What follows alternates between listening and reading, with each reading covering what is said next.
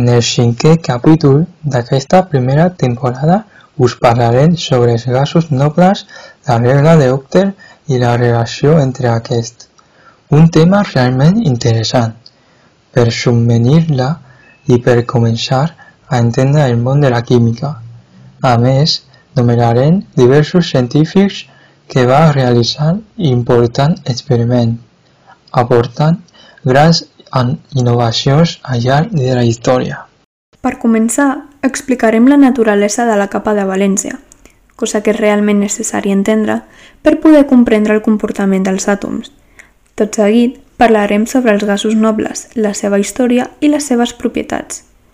En tercer lloc, us farem un breu resum de la regla de l'octet, essencial per entendre els enllaços atòmics. I per últim, relacionarem els gasos nobles amb aquesta important regla.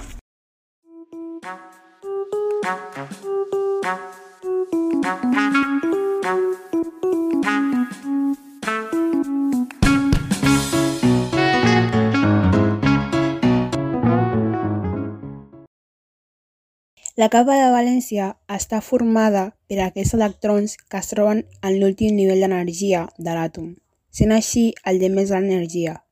Aquests electrons situats en el nivell d'energia més extern seran utilitzats per a la formació de compostos. És veritat, els electrons de la valència presenta facilitat per formar enllaços. El nombre d'electrons de valència es pot determinar segons el grup on estan situats els elements a la taula periòdica excepte els dels grups 3 fins al 12, que són els metalls de transició, ja que el mètode general per comptar electrons de valència no és útil en aquests. En el seu lloc s'utilitza el mètode d'electron count.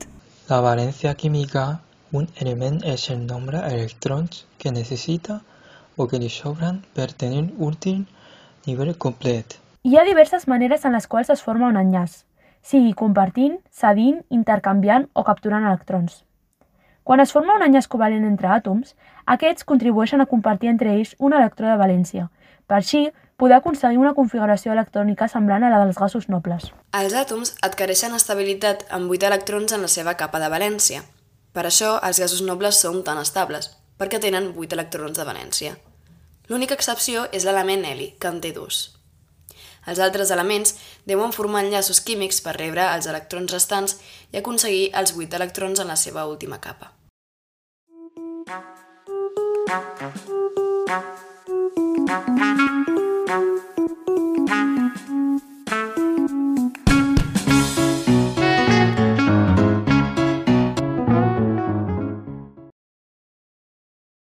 Es coneix com a gasos nobles o gasos inerts el conjunt d'elements químics que constitueixen el grup 18 de la taula periòdica dels elements. Presenten una sèrie de característiques en comú, sent la més important el seu baixíssim grau de reactivitat, és a dir, la seva poca capacitat per formar compostos i estructurar molècules complexes. Hi ha molts pocs compostos coneguts que incloguin aquests elements. Els gasos nobles, en condicions de temperatura i pressió normals, són substàncies gaseoses desproveïdes de color, olor i sabor, que es troben presents en diverses proporcions en l'aire de l'atmosfera i en altres situacions de la natura. El radi atòmic dels gasos nobles augmenta d'un període a un altre a causa de l'increment en el nombre d'electrons. La mida de l'àtom es relaciona amb diverses propietats.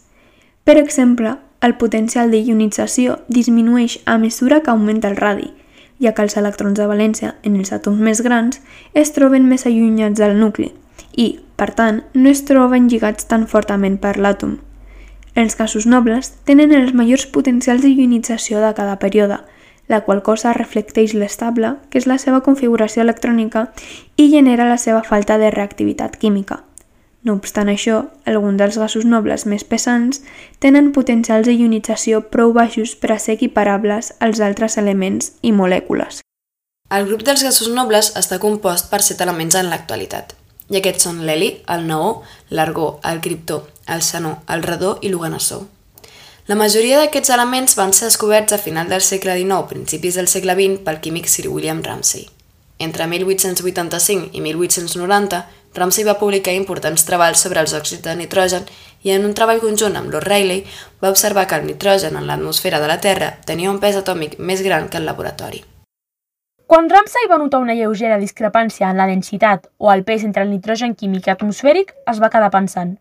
Un científic no curiós hauria atribuït aquesta diferència a un error experimental, però Sir William va sospitar que darrere aquest resultat s'amagava una explicació més profunda.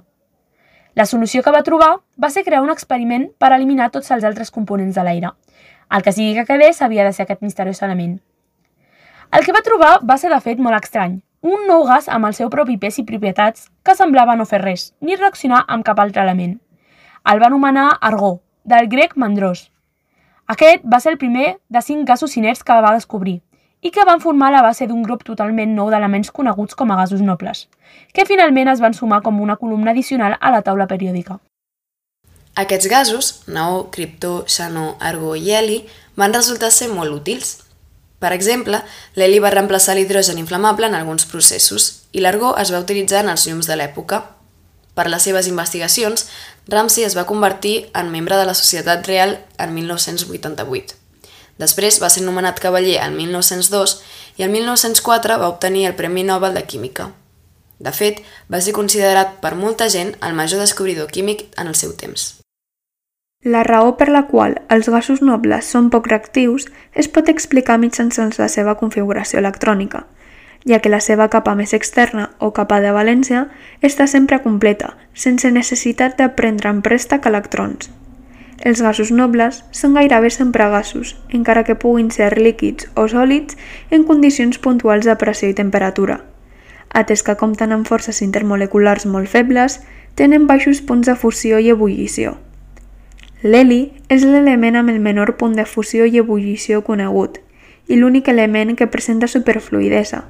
A més, l'heli no pot ser solidificat a baixes temperatures, sinó en condicions peculiars de pressió. Actualment, els gasos nobles tenen una gran diversitat d'usos. Per exemple, l'heli s'utilitza pels globus aerostàtics degut a que és més lleuger que l'aire. D'altra banda, l'heli combinat amb el neó és utilitzat per fabricar els làsers que s'utilitzen per llegir els codis de barres. Entre d'altres usos de l'argó es troba el fet d'omplir làmpades o bombetes per així impedir que el filament reaccioni amb l'aire i es consumeixi. El xanó, de la mateixa manera que el criptó, s'utilitza en la fotografia, ja que genera una llum blanca que en certes condicions és favorable per als flatxos de càmeres fotogràfiques. L'organassó, al igual que molts elements radioactius i sintètics a causa de conèixer molt poc sobre ells, no posseix un ús concret. Per tant, és empleat en menor mesura a la investigació científica.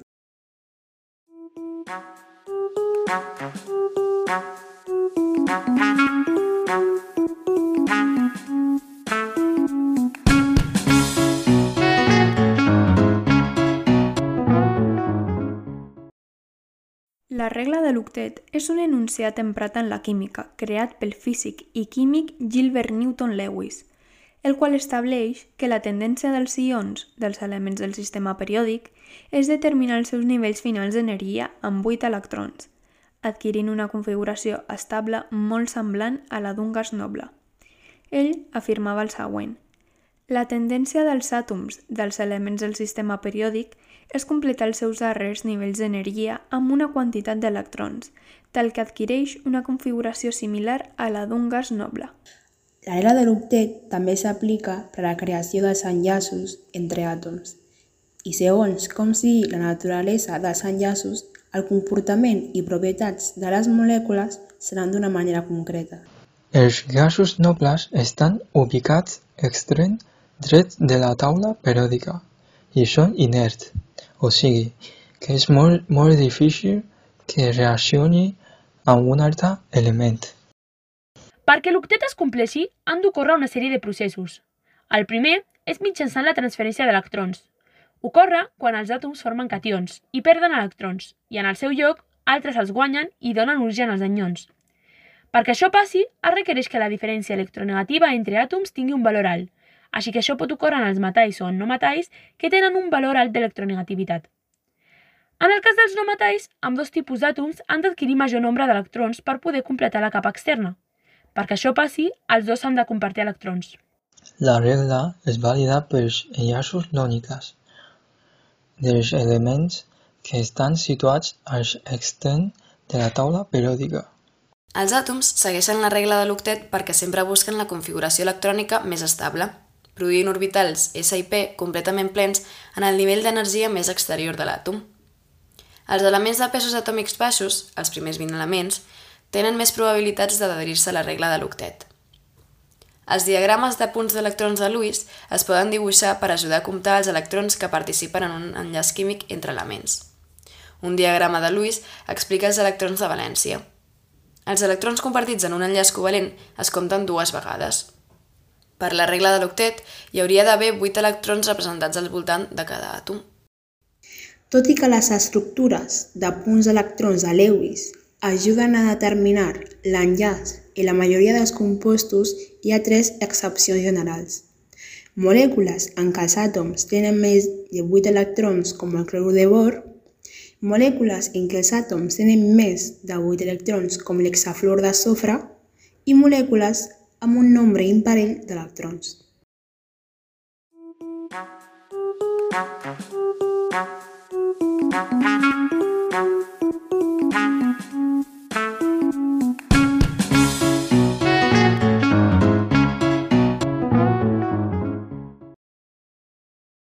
Com hem mencionat a l'apartat anterior, la regla de l'octet enuncia que els àtoms tendeixen a tenir l'última capa completa, únicament en els orbitals S i P. Dient-ho d'una altra manera, els àtoms aspiren a tenir complet el nivell energètic més alt. D'aquesta manera, aconsegueixen arribar al seu estat de menor energia alhora que passen a tenir configuració de gas noble. Exacte. I és per aquesta raó que els gasos nobles no necessitaran compartir, cedir ni capturar electrons per arribar a l'estat de mínima energia del que parlàvem. El grup 18 de la taula periòdica està conformat per elements els àtoms dels quals ja tenen el seu últim nivell energètic complet amb 8 electrons. Aquests tindran un grau d'afinitat electrònica i d'energia d'ionització molt alta, que disminuiran molt les probabilitats que els gasos nobles formin qualsevol tipus de combinació amb altres àtoms.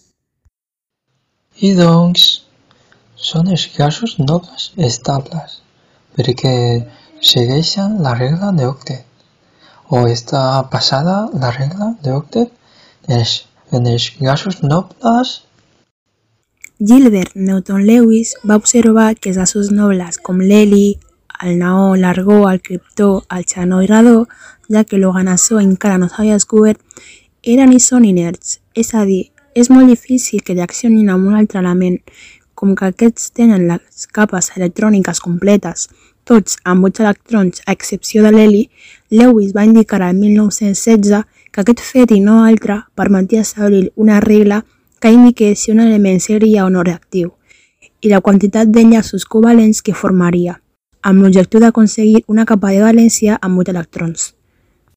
Ara bé, dels enllaços iònics, Lewis no deia res. Va ser Walter Ludwig Julius Kossel qui va desenvolupar la mateixa regla en la seva teoria de l'enllaç iònic. És veritat, però també caldria mencionar que el mateix any, el 1916, Lewis va desenvolupar la idea de la unió per parells d'electrons, és a dir, que els electrons estan ordenats en les capes per parells. De fet, en els subnivells conformats per diversos parells d'electrons, no es pot omplir un d'aquests sencer fins que tots no en tinguin un electró. Per exemple, el nivell 2P està format per tres parells d'electrons. Fins que tots tres no en tinguin un, no es podrà omplir cap dels tres. A més, Lewis va ser qui va fer que el terme fotó entrés en el vocabulari dels físics, ja que va ser ell qui el va utilitzar per primer cop referint-se als àtoms de llum, unes partícules emeses pels àtoms quan aquests redueixen la seva energia i emeten un quàntum de llum. Tot i això, és cert que altres físics abans com L.T. Trolan o J. Joly van utilitzar la paraula fotó abans, però cadascun d'ells referint-se a coses diferents. De totes maneres, la teoria en què va utilitzar aquest terme era incorrecta i va ser oblidada. Fins i tot ell mateix la va abandonar. Es creu que va ser Arthur Compton qui va promoure realment l'ús del terme fotó en una de les conferències, referint-se a ells com allò que formava rayos X en el seu article What Things Are Made Of. Sigui com sigui, ens estem anant molt del tema principal.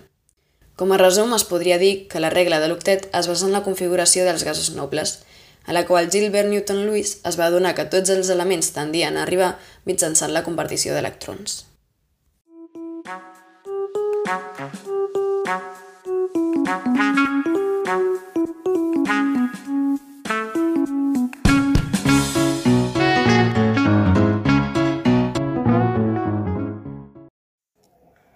En conclusió, la regla de l'octet fou definida per Gilbert Newton-Lewis basant-se en els gasos nobles, un conjunt d'elements poc reactius que conformen l'últim grup de la taula periòdica.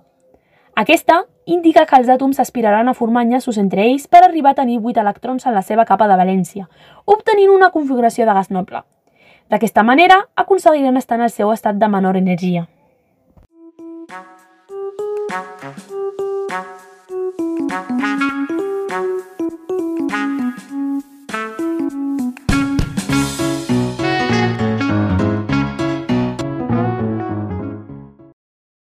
En aquest capítol finalitza la primera temporada d'aquest canal de divulgació científica.